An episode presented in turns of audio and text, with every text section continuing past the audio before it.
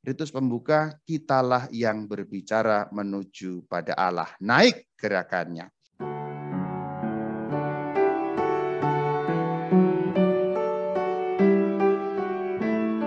Saudara-saudari, meskipun sudah biasa, mungkin ada orang Katolik yang belum pernah melihat gambar besar misa. Selain hanya urutan acara yang satu menyambung urutan acara yang lain. Karena bagaimanapun, di dalam sebuah perayaan Ekaristi itu ada acara-acara. Tentu yang dimaksud acara doa, acara rohani. Nah barangkali di antara orang Katolik ada juga yang, oh ini urutannya begini-begini. Tetapi tidak pernah melihat sesungguhnya gambar besarnya itu apa. Saudara-saudari, Misa bukan sekadar urutan acara ibadat, bukan hanya itu.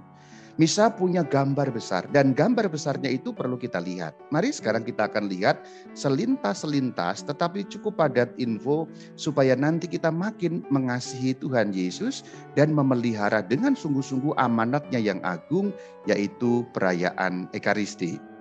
Kita perlu tahu bahwa paruh pertama, bagian pertama, separuh pertama dari misa itu berisi ritus pembuka dan liturgi sabda. Itu terjadi di bagian awal. Setengah awal itu ritus pembuka dan liturgi sabda. Kita juga menyebutnya paruh pertama itu meja firman. Kenapa disebut meja firman?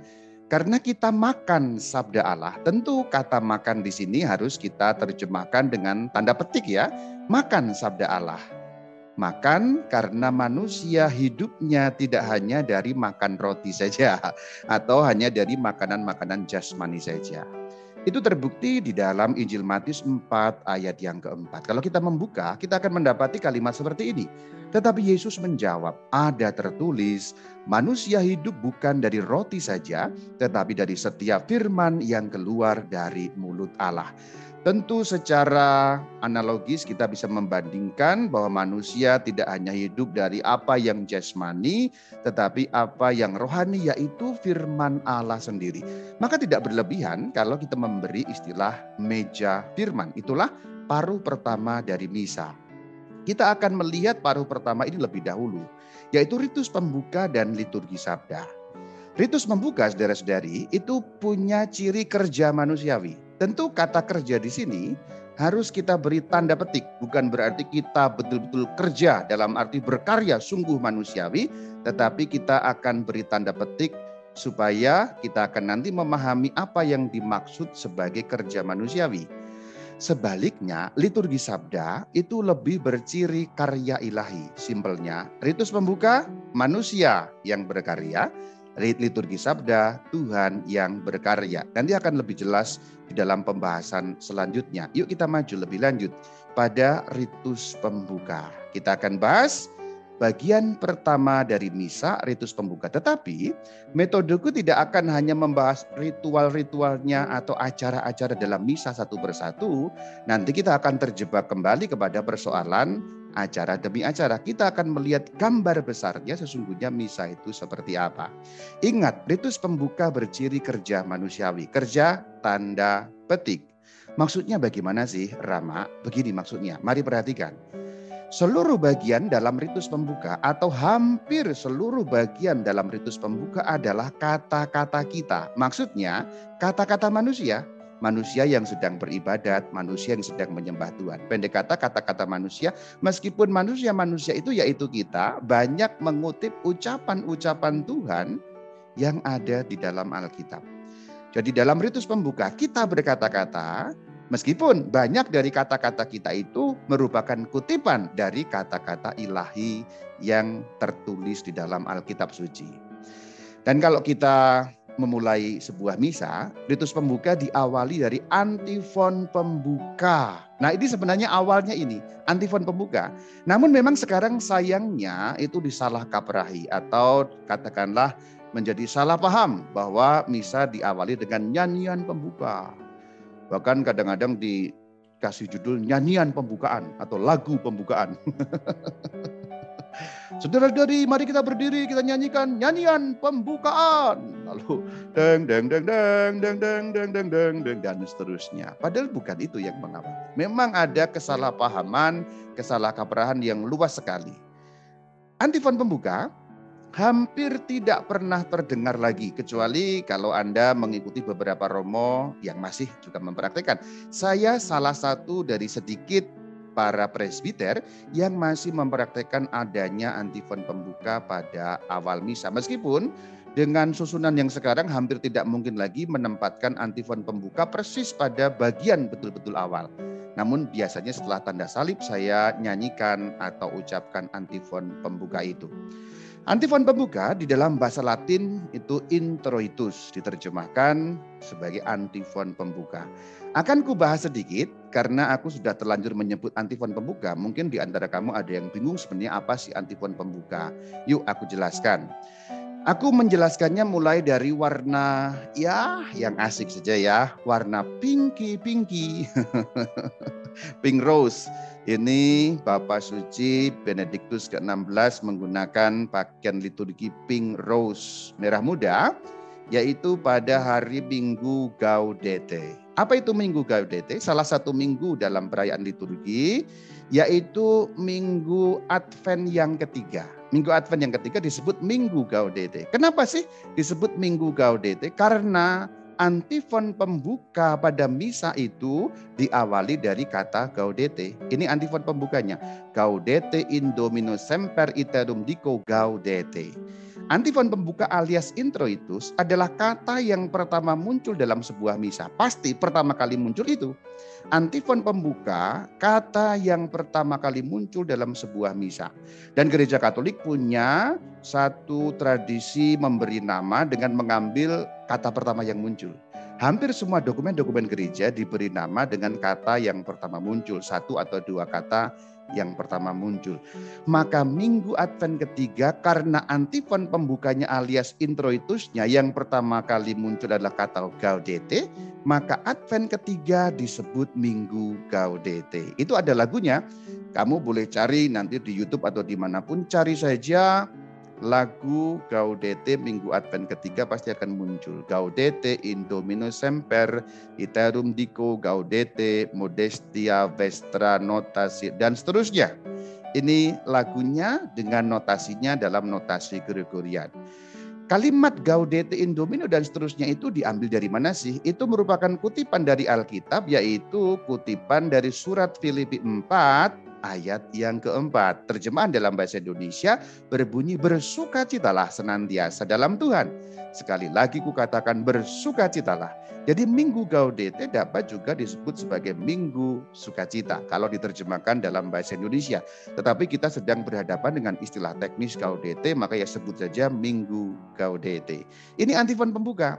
Maka nanti kalau kita memasuki Advent yang ketiga, kemudian orang menyebut Minggu Gaudete atau presbiter Anda yang memimpin sebagai imam menyebut hari ini Minggu Gaudete, Anda tahu sekarang kenapa disebut Minggu Gaudete? Karena kata pertama yang muncul pada misa hari itu adalah Gaudete. Itu berlaku untuk semua misa yang lain.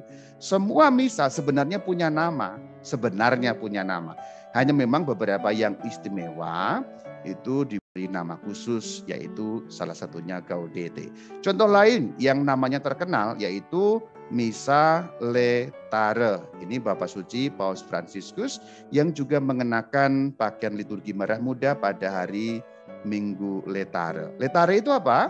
Itu Minggu Prapaskah yang keempat. Jangan terbalik ya. Advent ketiga disebut Gaudete. Prapaskah keempat disebut Letare. Kenapa sih disebut Minggu Letare? Karena introitusnya alias antifon pembukanya dimulai dari kata letare. Letare Yerusalem et conventum dan seterusnya. Ini kalimat lengkapnya. Letare Yerusalem et conventum facite omnes qui diligiti seam. Nah itulah saudara-saudari Kata pertama yang muncul dalam misa Minggu Prapaskah yang keempat pasti letare. Itulah kenapa disebut Minggu letare. Ini bahasa Latin, antifon pembuka ini dikutip dari mana sih? Dari Yesaya 66 ayat yang ke-10. Kalau kita lihat terjemahan dalam bahasa Indonesia, bersukacitalah bersama-sama dengan Yerusalem dan bersorak-sorailah karenanya hai semua orang yang mencintainya, mencintai Yerusalem yang dimaksudkan. Memang terjemahannya menjadi sama, bersukacita. Gaudete tadi bersukacita, kemudian letare itu bersukacita. Memang kata yang dipakai berbeda, kita dalam bahasa Indonesia eh, menyamakannya, terjemahannya bersuka cita semua.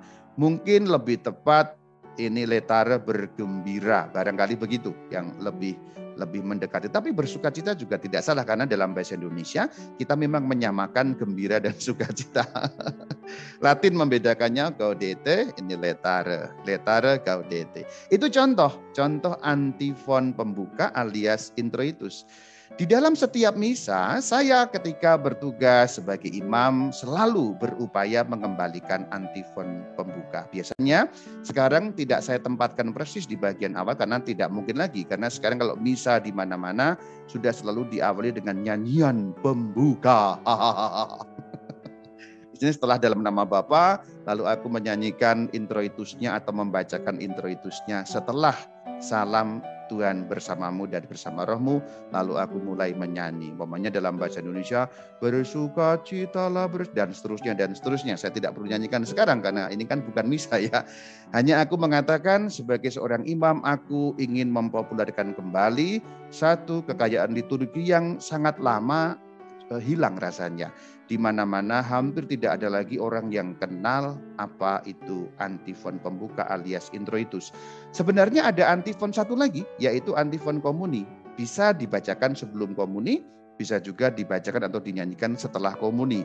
Kebiasaanku menyanyikannya setelah komuni. Pokoknya kalau kamu ikut misaku terutama hari Minggu, pasti ada nyanyi di bagian awal, nanti nyanyi setelah komun. Itulah antifon-antifon dalam setiap perayaan Ekaristi yang sekarang hilang. Ya nggak apa-apa, aku kembalikan semoga paling kurang lalu yang ikut misaku, oh Rama Bayu nyanyi, Rama Bayu nyanyi itu berarti apa? Oh itu antifon pembuka, oh itu intro itu. Ngerti nggak ngerti, pokoknya aku kembalikan. nah setelah bagian awal tadi, ya perlu dikatakan kemudian menyusul Kyrie. Ini kata-kata kita mohon kerahiman ilahi. Kita sudah pernah bahas Kyrie di dalam tema yang berjudul sadar aktif dan bermakna. Gloria juga sudah kita bahas. Kemarin sudah kita bahas seri 1 dan seri 2. Jadi gambar besarnya Gloria tidak lagi perlu bahas. Sekarang sekarang kita masuk pada bagian ritus pembuka sebagai awal dan yang terakhirnya adalah kolekta. Maksudnya adalah Bagian terakhir dari ritus pembuka adalah kolekta, yaitu kata-kata kita dalam doa yang berisi pujian atas karya ilahi dan permohonan demi kita sendiri. Kolekta juga sudah pernah dibahas di dalam tema yang berjudul sadar aktif dan bermakna. Maka ini tidak akan terlalu banyak aku bahas lagi kolekta itu. Dulu namanya doa pembuka, ya, atau kadang-kadang malah lebih parah lagi doa pembukaan. yang benar doa kolekta terjemahan sekarang sudah benar dengan nama terjemahan doa kolekta. Nah inilah ritus pembuka. Itulah gambar besarnya ritus pembuka yang sangat kuat cirinya adalah tanda petik kerja manusia yang memohon belas kasih Allah Tuhannya atau Allah Bapaknya. Jadi kalau kita perhatikan dari awal itu kita terus yang ngomong, kita terus yang berbicara. Dari awal antifon pembuka kita, kirie juga kita, kita mohon kepada Allah yang diawali dengan saya mengaku konviteor itu kalau dalam bahasa Latin, kemudian kirie, kemudian gloria, kemudian kolekta. Dari awal sampai pada kolekta, kita yang tanda petik bekerja. Kita yang berbicara yaitu memohon belas kasih Allah. Tentu ada juga pujian-pujian di dalamnya. Tetapi gambar besarnya Titus pembuka adalah kita yang berbicara kepada Allah. Kalau kita gambarkan ini Allah dan manusia, ritus pembuka kitalah yang berbicara menuju pada Allah. Naik gerakannya. Inilah ritus pembuka. Ingat baik-baik gambar besarnya ini. Maka ketika kita berbicara dengan Allah, sungguh-sungguh kita berbicara dengan Allah. Ketika Kirie mohon pengampunan, sungguh-sungguhlah mohon pengampunan. Ketika Gloria memuliakan, sungguh-sungguhlah mohon memuliakan Allah dan seterusnya. Dan seperti pada gambar besarnya ini kita sedang berbicara kepada Allah. Kita sedang berseru kepada Allah. Jadi inilah bagian paling awal kita bicara kepada Allah.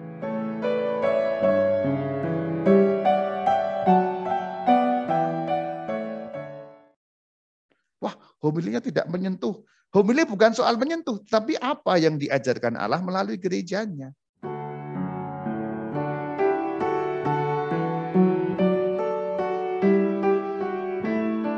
Liturgi sabda punya ciri karya ilahi. Kalau Titus Pembuka itu kerja manusia, kalau sekarang karya ilahi. Seluruh liturgi sabda atau hampir seluruh isi liturgi sabda adalah tindakan Allah. Sekarang Allah yang bertindak dalam arti yang berbicara, yang bersabda, yang berfirman. Yuk kita perhatikan bahwa Allah mengajar kita dan kita hendaknya mendengarkan dengan baik instruksinya, ajaran Allah. Melalui apa sih pengajaran Allah itu diberikan? Melalui kata-kata suci yang dicuplik dari Alkitab. Alkitab itu apa? Sabda Allah dalam bentuk tertulis. Jadi Allah mengajar kita dengan sabdanya yang berbentuk tulisan yang namanya Alkitab suci. Itulah instruksinya, itulah pengajarannya, itulah petunjuk-petunjuk yang berguna bagi kehidupan kita saudara. Jadi gambar besar liturgi sabda adalah Allah yang mengajar kita Allah yang memberi petunjuk kepada kita. Nah, di dalam misa, firman yang tertulis itu kembali dilisankan. Dilisankan berarti apa? Dibunyikan, disuarakan kembali. Coba ingat, firman itu apa? Kata-kata. Kata-kata itu hakikatnya apa? Lisan. Semua firman, semua kata-kata hakikatnya adalah lisan lisan yang kemudian ada tulisannya yang kita sebut Alkitab. Nah, di dalam kurban misa, dalam liturgi ekaris, dalam perayaan ekaris khususnya liturgi sabda, firman yang tertulis itu dikembalikan pada hakikat awalnya yaitu bunyi suara lisan. Nah, itu luar biasa. Justru di dalam liturgi sabda itulah itu terjadi. Firman Allah itu dibentuk menjadi bentuk yang semula yaitu bentuk suara, bentuk firman. Dan menurut iman Katolik Allah sungguh-sungguh berfirman. Memang secara duniawi Allah berfirman meminjam tanda petik suara si pembaca. Entah itu presbiternya, imamnya atau awam yang membaca sebagai pembaca alias lektor. Tetapi sebenarnya yang kita dengar secara jasmani memang suara manusia. Tetapi secara rohani gereja yakin itu Allah yang sungguh-sungguh berfirman. Yuk kita baca PUMR 29 ajaran gereja tertulis di sana. Apa itu PUMR? PUMR adalah pedoman umum misale Romawi atau teks latinnya itu IGMR, Institutio Generalis Misalis Romanis. Segala macam hal-hal terkait dengan perayaan misa ada pedomannya di sana. Kita buka PUMR 29, bunyinya seperti ini. Bila Alkitab dibacakan dalam gereja, Allah sendiri bersabda kepada umatnya. Dan Kristus sendiri mewartakan kabar gembira sebab ia hadir dalam sabda itu. Inilah keyakinan gereja katolik. Di dalam PUMR 29, keyakinan gereja katolik jelas sekali.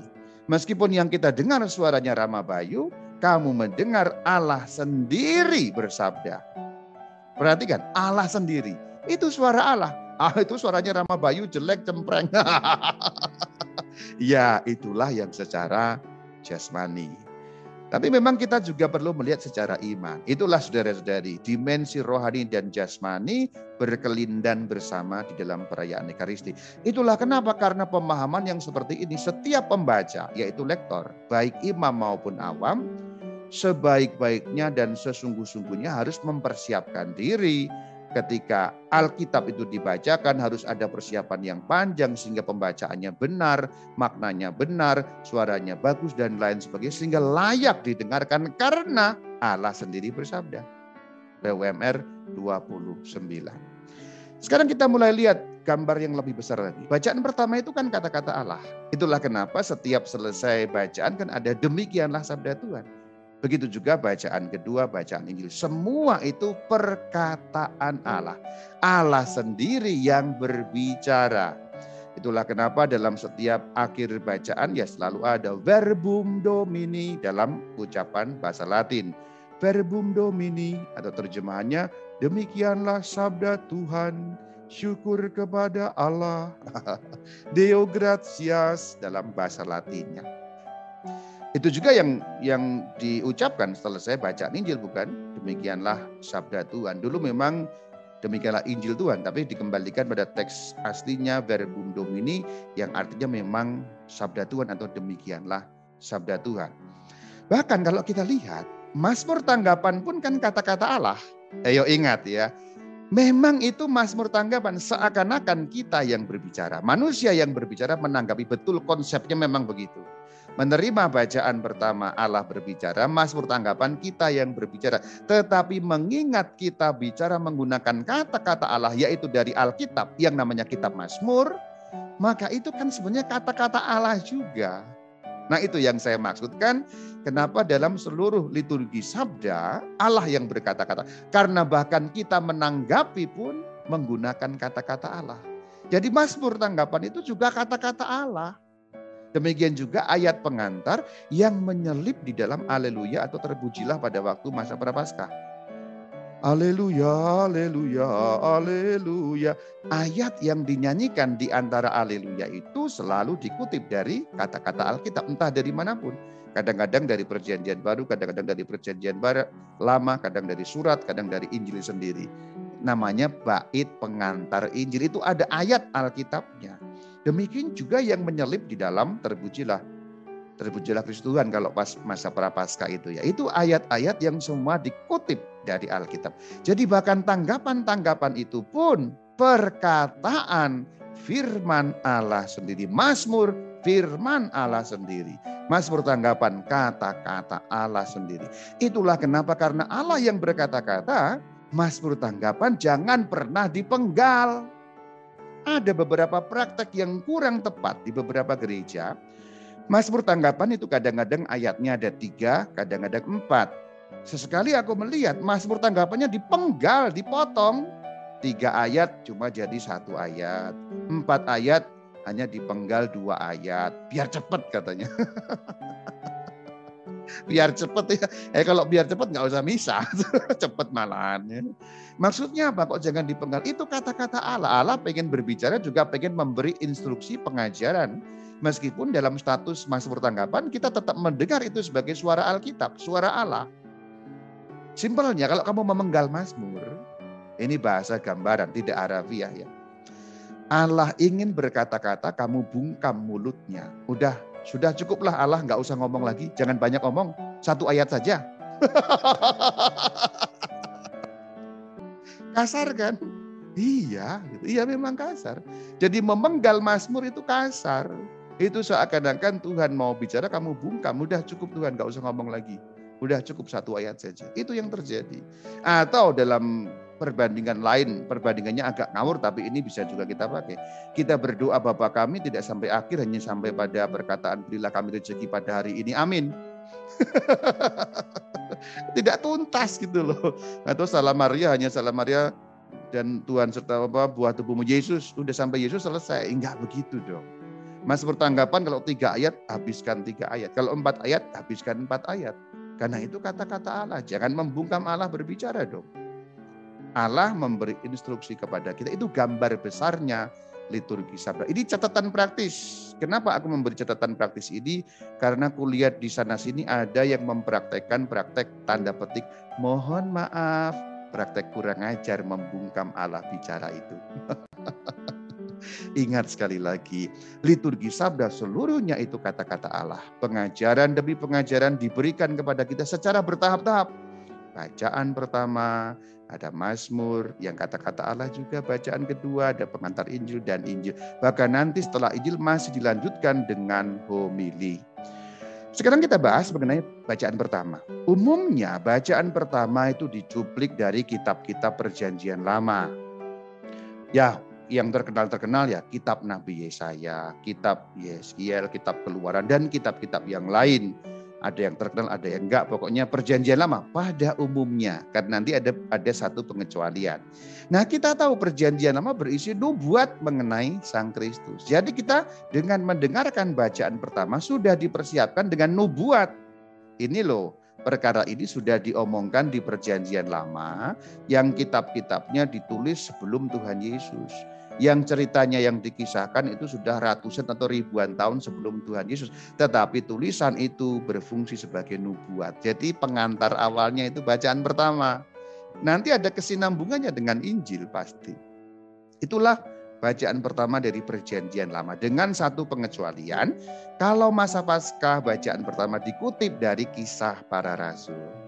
Kita tahu kisah para rasul berisi perkataan dan perbuatan para rasul memberitakan Sang Kristus. Setelah Sang Kristus bangkit, kemudian naik ke surga, Roh Kudus turun, kemudian para rasul memberitakan berita kabar sukacita Injil kepada segala bangsa. Itulah yang dikisahkan dalam kisah para rasul. Kenapa yang diceritakan kisah para rasul? Karena masa Paskah menekankan bahwa setelah kebangkitan Kristus, kemudian Injil diwartakan diteruskan oleh utusan-utusannya. Siapa itu utusan-utusannya? Rasul-rasul. Ingat, rasul bahasa Yunani apostolos Jamaknya apostoloi artinya utusan. Jadi para rasul, para utusan. Utusannya siapa? Utusan junjungan baginda kita Yesus Kristus untuk apa? Memberitakan Injil ke segala penjuru bumi. Ini kekasan pada masa Paskah. Ya kalau masa Paskah kamu ingat-ingat dan kamu dengarkan saja.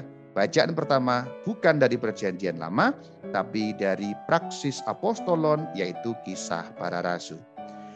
Kemudian kita lihat gambar besar bagian yang kedua yaitu bacaan kedua itu dikutip dari surat-surat perjanjian baru. Surat-surat perjanjian baru isinya selalu menerangkan siapa dan bagaimana Kristus secara nyata bagi kita. Jadi penekanannya pada Kristus dan nyata. Kristus tapi nyata.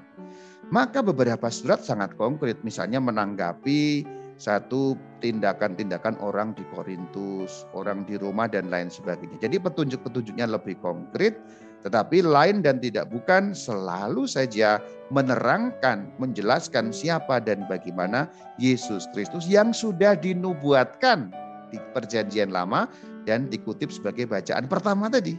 Jadi bacaan kedua itu keterangan-keterangan mengenai rincian-rincian Yesus Kristus itu apa, bagaimana konkretnya dalam kehidupan sehari-hari itu bagaimana. Atau juga tanggapan-tanggapan Rasul mengenai soal-soal tertentu. Umpamanya ketika Rasul Paulus ditanya, bagaimana kita sikapnya orang Kristen kepada daging yang dipersembahkan kepada berhala. Contohnya begitu. Tema itu kalau kamu pengen tahu meluncur di channel YouTube Katkit, ketik Katkit daging berhala atau katkit sesajen berhala sudah pernah dibahas tema itu. Oke, itu tema lain. Sekarang kita masuk bagian selanjutnya itu baca Injil. Kalau Injil jelas, Injil itu apa? Kitab-kitab mengenai kehidupan Sang Kristus. Perkataan Sang Kristus, perbuatan Sang Kristus diceritakan sebagai satu kisah untuk menumbuhkan iman kita, untuk mengerti dan percaya sungguh-sungguh bahwa Kristuslah, Yesuslah adalah Sang Mesias yang dijanjikan dan telah dinubuatkan dalam kitab-kitab perjanjian lama tadi. Nah itulah fungsinya Injil. Saudara-saudari, itulah gambar besarnya liturgi sabda, yaitu Allah yang bersabda kepada kita pada zaman now. Jadi siapa bilang Allah bicara hanya pada zaman kuno? Tidak. Tidak hanya pada zaman kuno, tapi juga pada zaman now Allah tetap bersabda. Melalui apa? Liturgi sabda. Jadi liturgi sabda itu Allah yang berbicara. Maka gereja Katolik yakin Tuhan Allah masih bersabda, masih berbicara kepada kita, manusia, makhluk-makhluk zaman modern ini. Nah perkataan Allah itu tidak hanya disampaikan melalui para nabi dulu atau para rasul dulu, tapi sekarang di sini di tempat kita masing-masing merayakan kurban misa. Namun memang godaannya kadang-kadang kita merasa ah, ini kok bukan perkataan Allah ya. Kenapa? Karena kita masih mengikuti kedagingan kita. Kita ini orang biasa, orang yang kadang-kadang merasa sangat duniawi, maka kita mendengar yang bicara itu orang lain, yaitu para pembaca ya si itu ibu itu yang bacanya jelek sekali, artikulasinya nggak jelas, bapak itu yang suaranya cempreng kayak apa anjing dicekik, mohon maaf. Romo itu yang kalau baca nggak jelas seperti orang bergumam, orang biasa yang bicara. Bagaimana bisa kita memandang Allah yang bersabda dengan cara itu? Kalau situasinya memang tidak menunggu. Nah, yang kita perlukan adalah mata kontemplasi, saudara-saudara.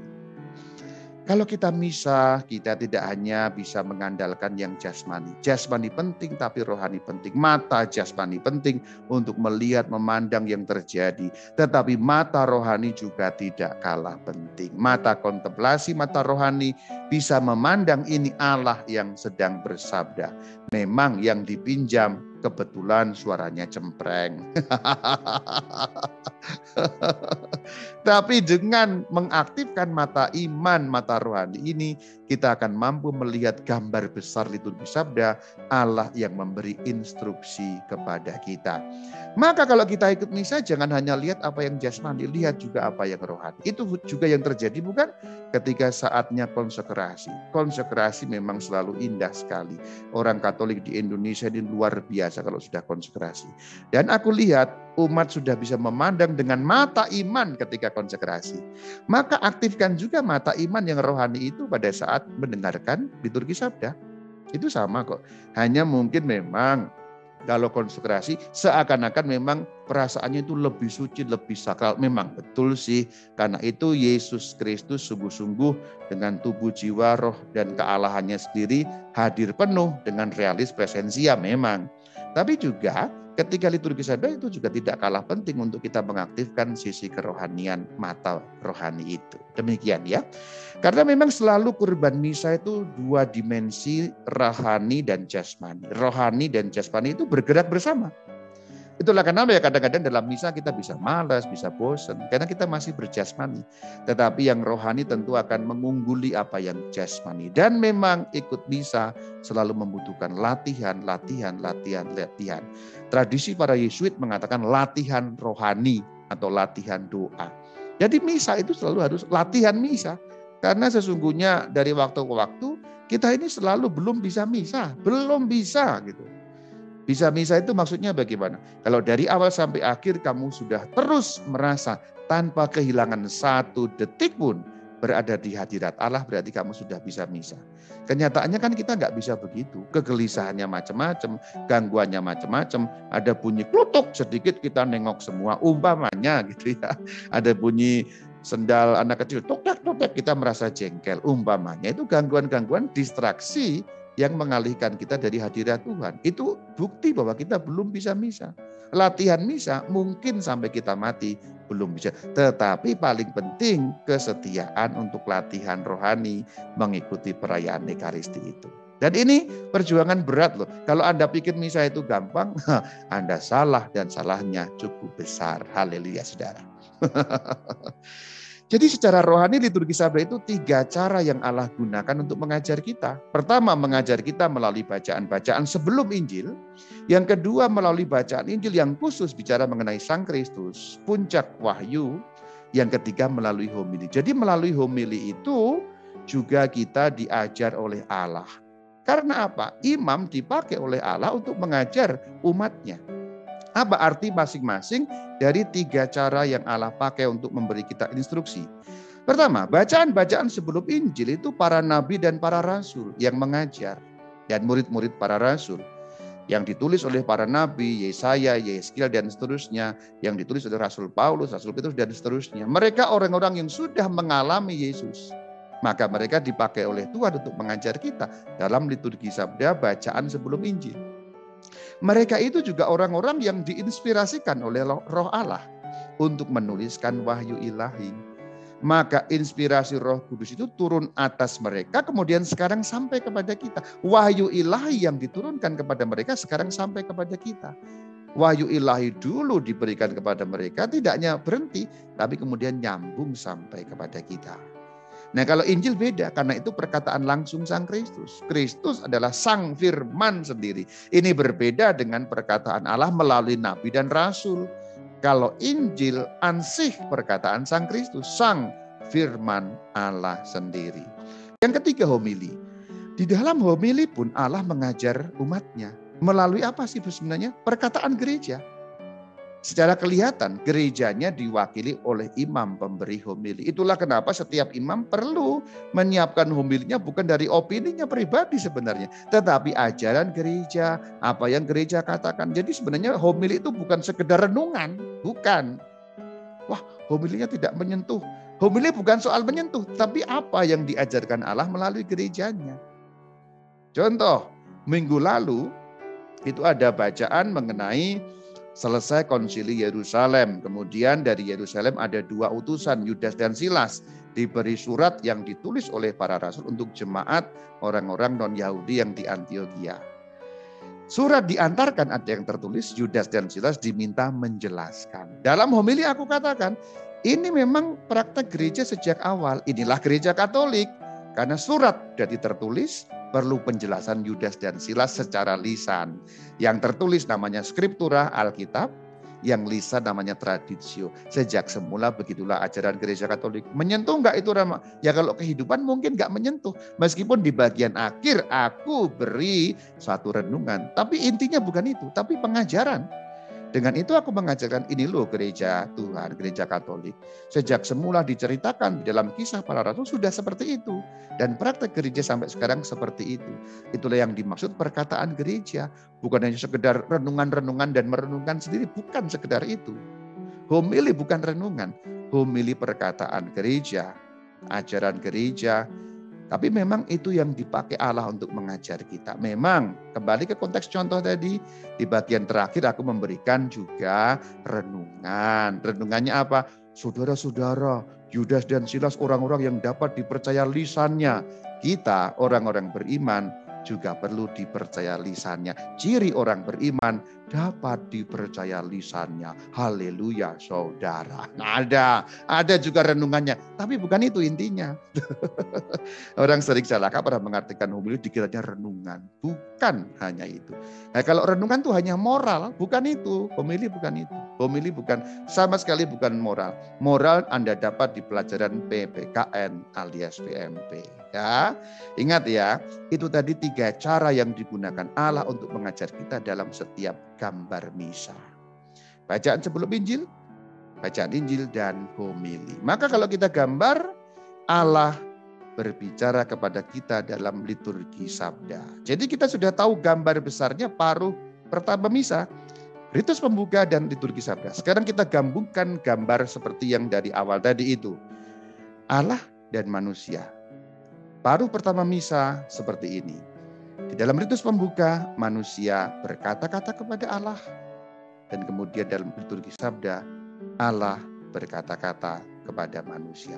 Inilah gambar misa, gambar besarnya pada paruh bagian yang pertama. Ingat baik-baik gambar besar ini supaya penghayatanmu lebih bagus lagi ketika merayakan Ekaristi. Maka ketika ritus pembuka jangan telat Ya. Karena apa? Kamu bicara kepada Allah gitu, saatmu bicara gitu. Masa bicaranya cuman eh, sudah marilah kita berdoa lah.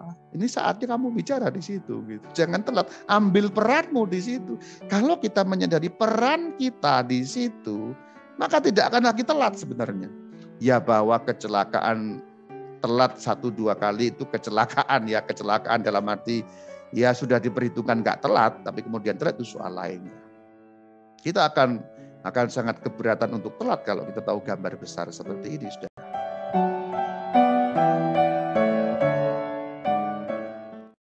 Bisa disebut korbono. Korbono itu dari bahasa Syria, bahasa Aramaik, ya artinya kurban. Ayo kita ikut misa. Kalau orang di Irak kan mengatakan, ayo kita ikut kurban.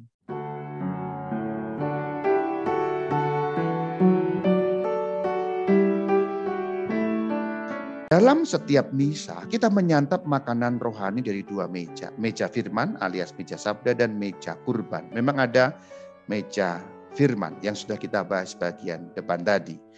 Meja kurban itu adanya di dalam liturgi ekaristi. Kenapa sih kok disebut kurban? Karena kurban itulah hakikat misa. Kamu jangan pernah lupa, memang ada unsur perjamuan, perjamuan suci ekaristi. Betul, ada unsur itu, Gereja pun juga mengajarkan bahwa misa juga ada unsur, ada unsur saya katakan. Namun hakikat mendasar yang fundamental, setiap misa adalah kurban. Misa adalah kurban, maka ingat baik-baik. Pemahaman yang benar sebagai kurban, kalau kita memahami misa, gambar besar misa sebagai kurban ini penting sekali. Dan akan membawa dampak yang luas dalam cara kita mengikuti misa atau kalau kamu petugas liturgi dalam cara menyusun misa atau melaksanakan misa. Kalau misa itu kurban, sikap kita lain dalam setiap ekaristi. Apakah itu kesimpulannya Rama Bayu opini pribadi? Bukan. Ini bukan opini pribadiku. Ini ajaran gereja yang satu, kudus, katolik, dan apostolik. Gereja katolik, haleluya saudara. Lihat PUMR 1 sampai 2. Demikian bunyinya PUMR 1. Pedoman umum misalnya Romawi nomor 1. Ketika Kristus Tuhan kita hendak merayakan perjamuan Paskah bersama murid-muridnya untuk menetapkan kurban tubuh dan darahnya ia menyuruh dan seterusnya. Perhatikan, kurban tubuh dan darahnya. Ini diperjelas dengan PWMR 2. Perhatikan, Konsili Trente sudah menandaskan secara sungguh-sungguh bahwa sedari hakikatnya misa adalah kurban. Hal ini memang sesuai dengan tradisi gereja universal. Gereja seluruh dunia. Semua gereja apostolik, ya bukan hanya yang katolik, yang ortodoks, yang oriental. Semua memandang misa adalah kurban. Bahkan di dalam gereja katolik timur, beberapa menyebut misa dengan sebutan korbono kalau kita di barat karena menyebutnya ekaristi misa. Tapi beberapa ritus di bagian timur menyebut misa itu korbono. Misalnya ritus-ritus yang menggunakan ritus Syria. Syria Barat, Syria Timur, atau Kaldea misalnya. Misa disebut korbono. Korbono itu dari bahasa Syria, bahasa Aramaik, ya artinya kurban. Ayo kita ikut misa. Kalau orang di Irak kan mengatakan, ayo kita ikut kurban. Justru karena hakikat misa kurban. BUMR pada artikel yang kedua. Untuk mengetahui secara lebih jelas lagi, aku sudah pernah membahas misa adalah kurban di channel YouTube Katkit. Masuk ke YouTube saja, ketik Katkit Misa Kurban, pasti akan sudah muncul. Nanti pembahasan yang lebih detail, lebih rinci, ayat-ayat Alkitab, pendasarannya ada semua di sana dengan judul misa sama dengan kurban. Pemahaman kurban ini penting sekali karena akan membuat kita lebih menghayati Ekaristi detik demi detik ketika kita mengikutinya. Karena apa? Wafat Kristus itu kurban bagi kita, menghapus dosa-dosa kita. Itu peristiwa yang sangat agung. Kristus ingin supaya kita mengenangkan kurban itu, kurban beliau. Dan paling penting, beliau menetapkan, paling penting terkait dengan Ekaristi maksudku, beliau Sang Kristus menetapkan bagaimana cara kita mengenangkan kurban itu, menghadirkannya kembali. Kurban yang satu kali untuk selama-lamanya di kayu salib dihadirkan kembali dalam setiap ekaristi. Perhatikan ayat Alkitabnya, Lukas 22 ayat ke-19. Lalu ia, Yesus, mengambil roti, mengucap syukur, memecah-mecahkannya dan memberikannya kepada mereka. Katanya, inilah tubuhku yang diserahkan bagi kamu, perbuatlah ini menjadi peringatan akan aku. Perbuatlah ini. Ini yang dimaksud apa? Perjamuan itu. Acara seperti ini, mengambil roti, memecahkan, mengucap syukur. Seperti inilah yang kita sebut Ekaristi. Atau di timur disebut Korbono atau di Konstantinopel disebut liturgi ilahi. Jadi ini perkataan Sang Kristus sendiri. Beliau menghendaki kita mengenang kurbannya, hadir lagi kurban itu dengan cara yang spesifik, yaitu misa. Bukan sekedar persekutuan doa. Tentu aku tidak meremehkan persekutuan doa. Persekutuan doa punya nilai. Tetapi itu bukan perintah langsung Sang Kristus. Maka hari Minggu itu kalau gereja kumpul untuk apa? Misa, misa. Karena itulah amanat Sang Kristus sendiri saudara. Nah di sinilah bagian pertama dari liturgi Ekaristi itu konsekrasi. Bagian keduanya komuni. Konsekrasi terkait dengan Tuhan. Tuhan yang mengubah roti dan anggur. Bagian kedua komuni. Kita terima tubuh dan darah itu supaya bersatu dengan Sang Kristus sendiri. Konsekrasi itu kurban Kristus. Kalau komuni itu persatuan kita dengan Kristus. Maka kata-katanya kan komuni, komunio, bersatu. Maka komuni kenapa disebut komuni? Karena dengan komuni kita bersatu dengan Sang Kristus sendiri.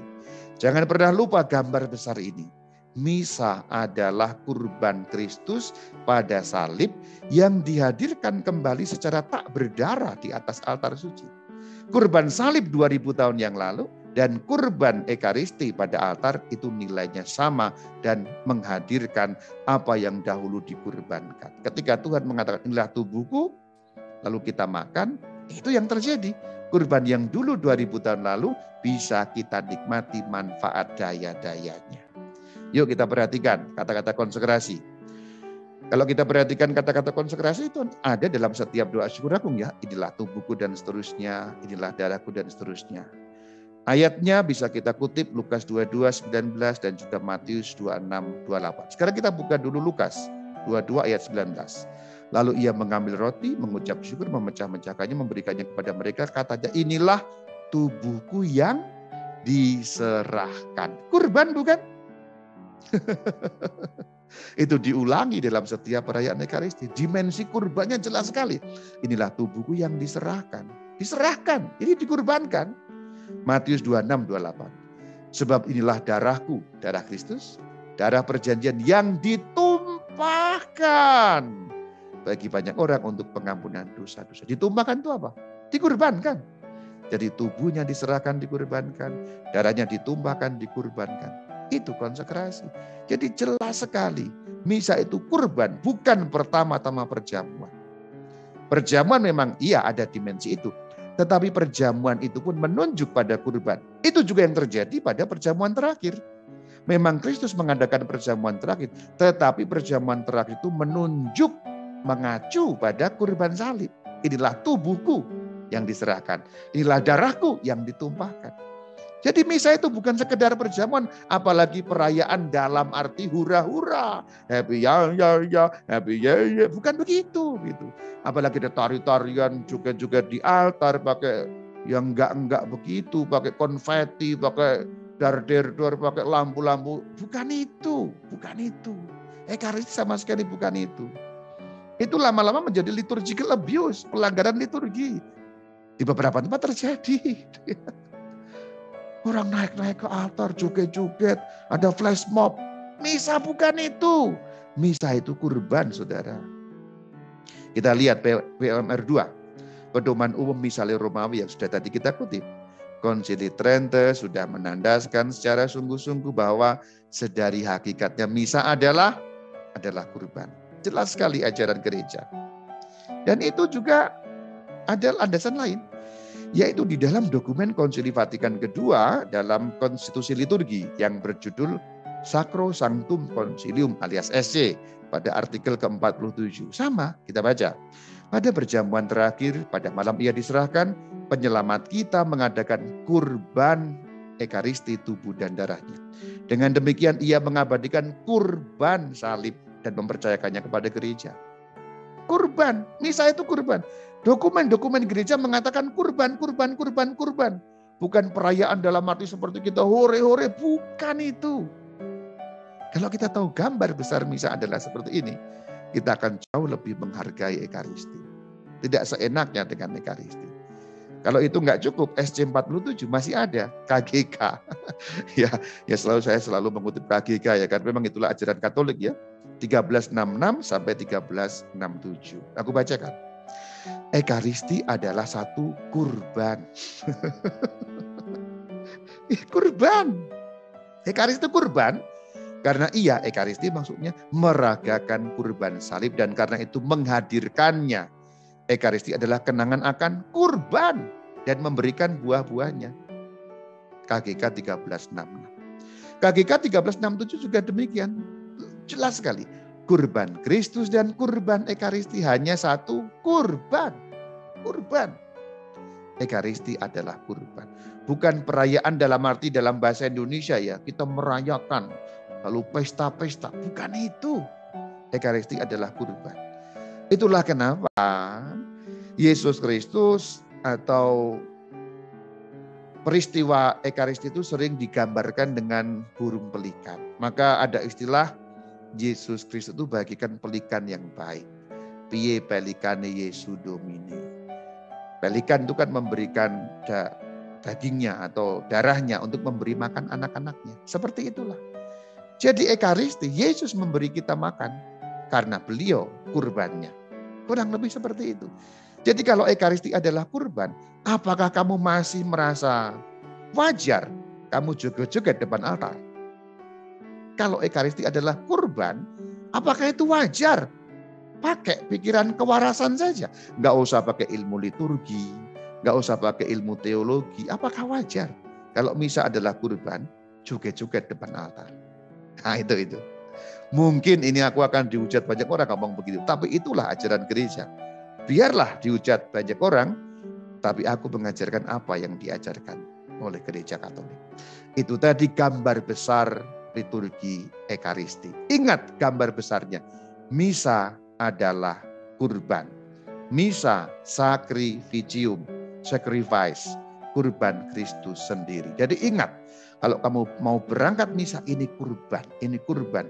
Hanya dengan menanamkan satu pengertian itu di hati, pengertiannya beda sekali. Rama Bayu apakah mengalami begitu? Ya. Ketika aku makin mendalami gambar besar Ekaristi dan menemukan gereja itu ajarannya kurban, kurban, kurban, tekanannya pada kurban, kurban, kurban, cara memandangku pada Ekaristi sangat berbeda. Penghargaanku, kecintaanku pada Ekaristi sangat-sangat berbeda. Ingat gambar besarnya ya, jadi bukan hanya urutan-urutan ceritanya atau urutan acaranya, bukan. Itu penting tapi bukan itu yang terpenting. Gambar besarnya itu yang paling penting.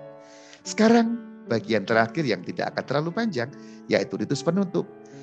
Ini hanya akan aku gambarkan dengan dua hal saja. Yang pertama, dengan membacakan ini. Ini berkat dalam bahasa Latin, teks aslinya berbunyi, Benedicat vos omnipotens Deus Pater et Filius et Spiritus Sanctus, seluruhnya umat menjawab amin. Ingat ya, ya semua pasti ingat kalau berkat ini ya. Benedicat vos omnipotens Deus, Pater et Filius et Spiritus Sanctus. Amin. kalau dinyanyikan dalam lagu asli Gregorian bagus loh. Benedicat vos omnipotens Deus, Pater et Filius et Spiritus Sanctus. Amin. Nada-nadanya itu angelic. Jadi ritus penutup yang pertama unsurnya atau gambar besarnya kita diberkati. Aku diberkati, kamu diberkati. Aku diberkati. Benedikat vos diberkatilah kalian omnipotens Deus ya Allah yang Maha Kuasa, Bapa, Putra, dan Roh Kudus. Ini unsur per pertama atau gambar besarnya. Setelah semua yang kita ikuti tadi, itu membuat kita terberkati atau diberkati. Khusus bagian terakhir diberkati untuk apa? Diberkati untuk itemisa es. Nah ini teks latin aslinya begitu. Ini kata yang sangat sulit diterjemahkan. Tiga kata itu, itemisa es. Itu yang diucapkan setiap imam kalau dalam bahasa latin, dalam setiap penutup Ekaristi. Ite misa es. Umat menjawab Deo gratias, syukur kepada Allah. Ite misa es itu lagunya ber bermacam-macam. Ada contohnya lagu begini. Ite misa es. Dijawab dengan nada yang sama. Deo oh, oh, gratias. Sebenarnya lagunya cantik-cantik kalau kita menyanyikannya dalam versi Gregorian asli. Itulah gambar besarnya bagian ritus penutup. Kita diberkati dan ite misa es diutus. Demikian pembicaraanku mengenai gambar besar Ekaristi. Kuulang sedikit bagian terakhir. Pada paruh bagian pertama yaitu ritus pembuka itu kita bicara kepada Allah Kemudian liturgi sabda Allah bicara kepada kita memberikan pengajaran dan instruksi. Liturgi Ekaristi gambar besar yang itu kurban.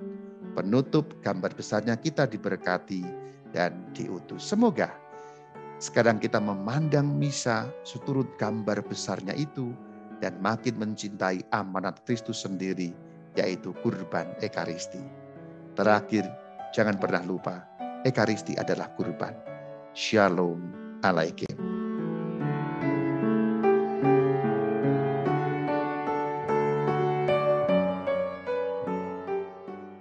Fenomena saat ini di mana misa mulai tidak diminati oleh anak muda karena dianggap membosankan.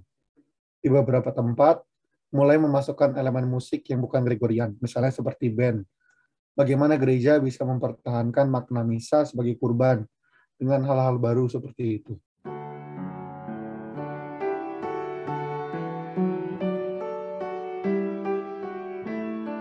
Itulah problemnya. Apakah langkah-langkah itu langkah yang benar? Itulah pertanyaan saya.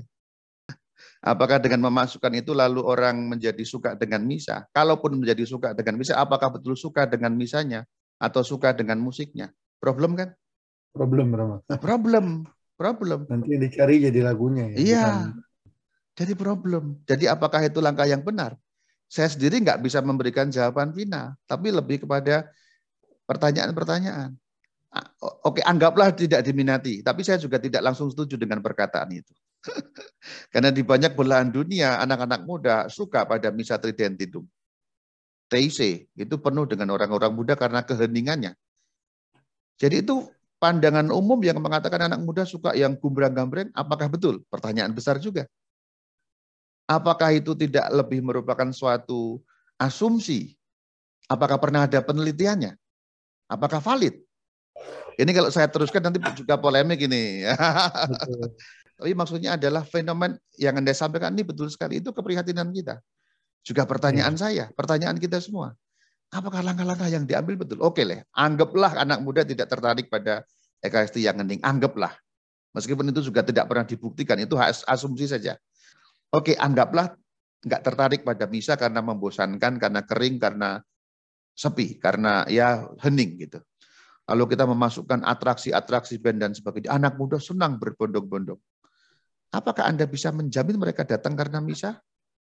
Atau mereka suka dengan gaya musiknya yang membuat mereka seperti ada di pentas musik?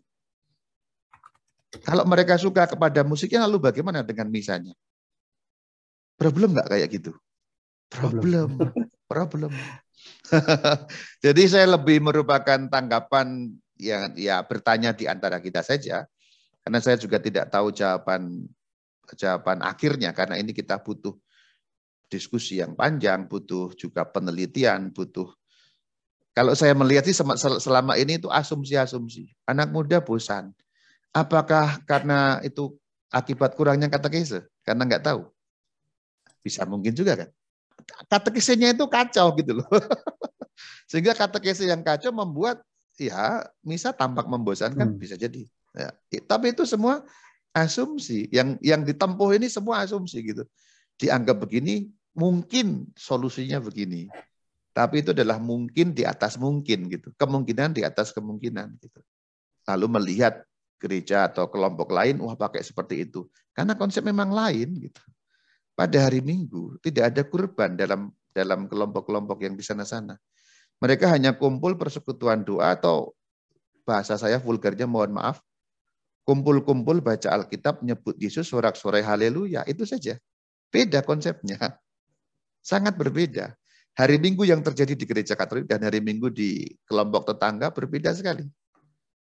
Jadi sikapnya tidak bisa langsung begitu saja mengimpor. Oh di sana ramai dan seru. Ya bisa saja ramai dan seru. Karena itu bukan kurban. Sementara kita kurban. Ah lain sekali. Gitu, gitu ya. Ini tidak menyelesaikan persoalan dan tidak menjawab karena memang ini diskusi terbuka sebenarnya. Begitu. Fenomena juga sih Rama memang bahwa orang muda banyak yang nggak tahu apakah mereka karena nggak senang misalnya atau apanya ya memang fenomenanya banyak orang muda nggak mau ke gereja kan. Iya. Nah, kenapa ya. itu yang kita perlu ya. cari tahu kenapa. Nah, nah itu ya itu yang saya maksudkan itu tadi semua kan asumsi saja. Oh mungkin nggak suka musiknya, jadi itu semua kan mungkin gitu loh. Betul. Aha, itu itu dia, itu dia asumsi gitu. Waktu kecil dijelaskan bahwa Ekaristi itu pesta atau makan-makan. Tapi sekarang diartikan sebagai Ekaristi sebagai kurban. Apakah penjelasan saat saya kecil itu keliru? Ya tidak keliru. Tadi kan saya sudah berkali-kali menyatakan ada aspek perjamuan. Iya itu. Kalau untuk anak kecil ya boleh saja gitu. Tapi apakah pertanyaannya apakah penjelasan itu memadai? Tidak memadai gitu. Karena bagaimanapun misa adalah kurban. Baca kitab Wahyu. Jadi perjamuan anak domba, anak dombanya disembeli. Anda kalau betul. membaca kitab Wahyu lalu menjadi lebih paham lagi bahwa memang iya. kurban. Yeah. Kalau makan-makan betul. betul, pestanya pesta makan Kristus, tapi bukan dalam arti yang hura -hura. kita seperti iya hura-hura pesta bukan itu. Ya itu ya. Jadi memang tidak mudah mendudukkan ini. Kalau apalagi kalau untuk anak kecil ya, ya penjelasan pada saat kecil itu memadai tentu saja. Tapi kalau itu terus dibawa sampai gede tidak memadai saya katakan. Bukan salah ya, tidak memadai ya. Tidak memadai itu tidak mencukupi gitu maksudnya. Seperti juga penjelasan mengenai ini saya analogikan. Pada saat kita kecil, bintang itu cukup dijelaskan bintang kecil di iya. langit. Anak kecil apa? Ya gitu saja toh. Betul. Tapi kalau itu diteruskan sampai kita dewasa, apakah memadai, Kevin? Tidak, Sama. Ketika saat saya kecil ada penjelasan seperti itu, ya boleh-boleh saja Anda kecil. Pengertian anak kecil. Tapi kalau itu yang dibawa terus sampai gede, tidak memadai lagi. Bukan salah saya katakannya. Tidak cukup gitu. Gitu ya.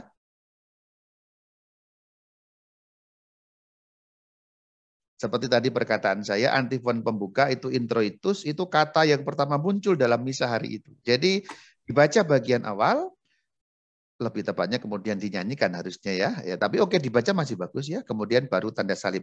Kenapa saya menempatkan di situ? Karena kalau bisa di paroki kan umumnya awal sekali sudah langsung nyanyi gitu loh. Nanti tabrakan ya, langsung nyanyi. Maka saya tempatkan di bagian setelah tanda salib itu juga tidak melanggar aturan liturgi karena PUMR memberi satu kemungkinan lain. Jadi pertama, aslinya, saya katakan aslinya tempatnya di awal sekali. Sebelum tanda salib antifon itu muncul, itu aslinya. Namun PUMR itu juga memberi kemungkinan kalau ada nyanyian, seperti misalnya hari Minggu itu kan pasti nyanyi ya, saudara mari semua, oh dan seterusnya gitu ya. Nanti tanda ya. salib, kemudian setelah tanda salib bisa kita ungkapkan sebagai pengantar. Nah itu yang kulakukan. Dan itu bukan pelanggaran liturgi, tapi memang seperti itulah adanya. PUMR juga membolehkan antifon pembuka dipakai sebagai pengantar. Kalau kamu pernah ikut misaku, aku nggak pernah membuat pengantar sama sekali. pengantar yang ngarang-ngarang itu loh, Vin. Ya, ya. Nggak pernah, nggak pernah. Saudara, hari ini kita merayakan Milih di awal ya, Mas. Ini, oh, tema ininya begini, bacaan pertama itu intinya begini. Kadang-kadang sudah lima menit sendiri seperti homili part pertama. Homili di awal. iya. iya enggak. Saya enggak menyindir Romo yang lain enggak, tapi memang itu yang terjadi. Oh, ya bagus juga ya Rama. Ya bagus juga, ya bikin kita ngantuk juga gitu loh. ya maksudnya memang boleh, tapi sebenarnya rubriknya menyebut sangat singkat. Harus dua kalimat paling ya, tiga kalimat mentoknya. Oh gitu. Namun, Iya, sangat singkat. Jadi paling kalau kita mau ngomong kita merayakan minggu atau misalnya besok ya. Saudara-saudari kita merayakan kenaikan Tuhan, hari ini Tuhan naik ke surga. Mari kita hening. Ya, gitu saja sudah. Sebenarnya oh, begitu, gitu. sangat singkat sebenarnya. Hanya mengatakan misteri hari itu tuh apa yang dirayakan gitu loh maksudnya. Kan nggak semua umat punya kalender liturgi, Fit. Iya betul. Nah itu. Jadi hari itu tuh merayakan apa? Saudara-saudari hari ini kita merayakan Bunda Maria diangkat ke surga sebagai salah satu iman yang didogmakan dalam gereja Katolik. Mari kita hening sejenak. Gitu saja sebenarnya. Oh. Aslinya iya. iya. begitu. Untuk semacam mengumumkan hari itu tuh perayaannya apa gitu. Tetapi kalau antifon pembuka sudah dibacakan, nah sudah tahu itu yang dimaksud apa. Jadi Karena aku selalu menggunakan. Ya, ya betul. Aku sudah memindahkan itu di bagian pengantar, maka itu lalu aku fungsikan sebagai pengantar. Jadi biasanya kalau aku misa, tanda salib, salam bersamamu dan bersama rohmu, antifon pembuka, hening sebentar langsung saya mengaku. Gitu. Wah, saya jadi penasaran misa bareng Rama Bayu. aku nggak pernah punya misa itu sih online sih ya. Ya, apa-apa. Nanti saya nyamperin ke situ biar misa offline. Di paroki kami sekarang ada misa novena. Teks-teks doanya diselipkan dalam ritus misa. Yang supaya tidak melanggar liturgi itu bagaimana, Rama? Menyelipkannya supaya nggak melanggar tuh baiknya di mana diselipinnya? sebenarnya tidak pernah boleh diselipkan sih. Kalau oh, mau gitu. ditanya di di mana diselipkan enggak ada tempatnya gitu. Enggak ada karena liturgi itu liturgi novena kan bagaimanapun devosi. Sebagaimanapun itu terkait dengan liturgi, novena yang paling terkait dengan liturgi adalah novena Roh Kudus kan. Tapi itu enggak pernah liturgi. Bagaimanapun itu terkait dengan liturgi ya. Jadi jawabannya di mana ya? Tidak ada izin. Tapi oke okay lah minus malum. Tahu ya maksudnya minus malum ya. Minus malum itu ya, ya oke okay lah gitu. Paling oke okay lah gitu ya. Paling oke okay lah kalau itu diselipkan ya sebelum ya sebelum doa komuni lah gitu. Karena dalam dalam liturgi setelah kita komuni itu masih ada kemungkinan doa-doa pujian syukur. Misalnya mendoakan Mazmur 8 gitu. Atau mendoakan Mazmur 23. Itu ada kemungkinan itu. Jadi setelah komuni ada doa pujian syukur, baru doa komuni. Jadi kalau mau diselipkan mungkin di situ. Mungkin ya. Oh. Oh justru sebelum doa komuni ya Rama? Iya karena itu ada doa pujian syukur. Nah maka kita anggap doa pujian. Doa pujian syukur itu bukan doa komuni ya, lain ya. Hmm. Bukan doa sesudah komuni, doa pujian syukur itu contohnya kita mendoakan bersama-sama Mazmur 8 atau Mazmur 23. Itu ada. Kalau kamu punya TP umat, Anda bisa buka itu di bagian belakang. Setelah hmm. komuni ada doa pujian syukur di situ. Tapi ini bisa didiskusikan ya. Nah, tapi itu kan opini saya ya. opini tapi memang ada ilmu liturginya gitu ya. Oke. Berarti paling baik selesai misa atau sebelum misa ya Rama? Iya paling bagus ya begitu sih. di luar Jadi, liturgi ya, di luar ekaristi gitu ya. Misa. Misalnya pada saat sebelum misa itu doakan doa novena, kemudian baru masuk kepada misa atau setelah misa selesai, kemudian romonya nggak pulang dulu, misalnya setelah ditutup, kemudian nyambung dengan, ya itu bisa dilakukan. Lanjut. Tetapi begini ya, bagaimanapun oh, iya. ikut pastor paroki Anda. Ya gitu ya, itu intinya di situ oh. ya. Saya mau nanya Rama, saat Ram, Romo pemimpin misa mengatakan, semoga Allah yang Maha Kuasa mengampuni dosa kita dan seterusnya, itu kita bikin tanda salib atau enggak? Karena saat saya misa, ada yang bikin, ada yang enggak. Ya, kalau jawabannya lurus tidak, karena memang tidak ada instruksi membuat tanda salib. Kenapa membuat tanda salib? Itu pengaruh misa yang lama, pengaruh misa tridentin. Oh. Kalau misa tridentin memang bagian itu membuat tanda salib. Jadi kalau sekarang kita banyak melihat tanda salib bertebaran di misa yang sekarang, itu pengaruh dari zaman dulu. Ketika orang melihat dari zaman kuno, kakek kita, nenek kita, orang tua kita, membuat tanda salib di mana-mana. Dan memang seperti itulah Misa Tridentin atau Misa Trente. Misa Tridentin itu salibnya banyak. Pada awal sudah salib, kemudian nanti kita konfiteor atau saya mengaku itu tanda salib tanda salib ada, kemudian pada saat diberi absolusi tanda salib, kemudian nanti bahkan pada saat mengucapkan gloria itu ada tanda salibnya. Cum gloria bagian terakhir itu bersama Roh Kudus tanda salib lagi. Kemudian nanti pada saat kita mau homili itu tanda salib, selesai homili tanda salib. Itu pengaruh dari misa yang lama. Kalau yang misa sekarang, misa ritus baru, misa yang sekarang ini kita rayakan, tanda salib itu ya hanya dua kali, awal membuka ekaristi, akhir menutup yaitu memberkati tadi itu.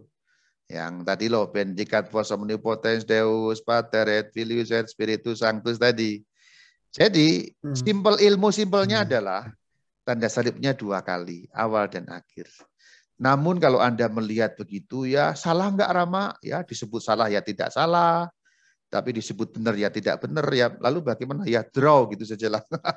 enggak salah, enggak benar. Karena itu ilmu melihat dari dulu-dulu. Ya, ilmu melihat dari dulu-dulu yang tadi ada konteks misa yang lama itu. Begitu. Ini kalau kalau melakukan boleh, Ram? atau nggak boleh? Ya, bagaimana menjawabnya ya? boleh dan tidak boleh lalu menjadi sangat legalistik ya. Lakukan apa yang kamu ingin lakukan itu sajalah.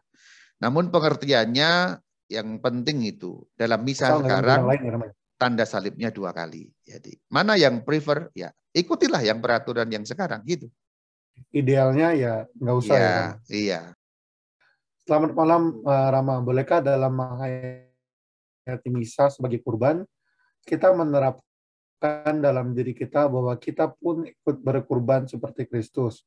Misalnya dengan memberikan waktu dengan mengikuti misa, membuang keegoisan, kelekatan duniawi kita saat mengikuti misa, agar lebih sungguh-sungguh menghayati kehadiran Kristus dalam Ekaristi. Betul sekali, itulah justru dengan menghayati misa adalah kurban, maka akan muncul penghayatan seperti itu. Ingat, pada saat Romo mengangkat atau mempersiapkan persembahan sebelum memulai persembahan itu kan berdoalah saudara-saudari supaya persembahanku dan persembahanmu. Mu yang dimaksud siapa? Umat. Umat. Persembahan umat lalu menjadi ya pengorbanan-pengorbanan yang Anda sebutkan itu. Nah ini bagus sekali, bagus sekali. Ketika sudah memahami atau menghayati misa sebagai kurban, maka akan muncul hal-hal seperti itu. Misa adalah kurban. Maka kita mempersatukan diri dengan kurban Kristus dengan membawa persembahan kita sendiri. Itulah kenapa imam mengatakan, berdoalah saudara-saudari supaya persembahanku sebagai imam, pribadi imam, dan persembahanmu umat masing-masing berkenan pada Allah Bapa dan seterusnya. Nah kalau kita melihat gambar besar misa akan sampai ke sana. Kalau enggak ya, ya minggu ya cuman eh ya, ya, ya perayaan dalam arti pesta-pesta. Ah bukan itu. Dan yang sudah ditanyakan oleh si penanya tadi betul sekali. Memang seperti itulah kalau kita datang pada perayaan Ekaristi. Ketika misa di bagian dua syukur agung saat mengucapkan ingatlah akan saudara-saudari kami kaum beriman, itu apakah kita boleh menyebutkan nama orang terdekat yang sudah meninggal di dalam hati, Ram? Boleh sekali. Itulah yang namanya berpartisipasi dalam misa. Jadi berpartisipasi dalam misa itu ketika imam mengucapkan doa apa, kemudian kita menyatukan hati. Ingatlah mereka yang telah berpulang itu kan, yang telah meninggal. Lalu Anda hmm. untuk engkongku ini, untuk mamaku ini, untuk papaku ini, munculkan dalam hati. Itulah artinya berpartisipasi. Jadi ketika nanti mengaminkan pada bagian terakhir itu betul-betul mengaminkan bukan romonya mah doa sendiri di depan sambil ngantuk-ngantuk kita Bukan itu. Nah yang Anda sampaikan itu betul sekali saudara. Pada saat imam mengucapkan doa-doa seperti itu, lalu Anda mengucapkan juga orang-orang terdekat yang sudah meninggal. Itulah yang namanya intensi misa. Setiap orang bisa memberikan atau menyampaikan intensinya sendiri-sendiri. Demikian.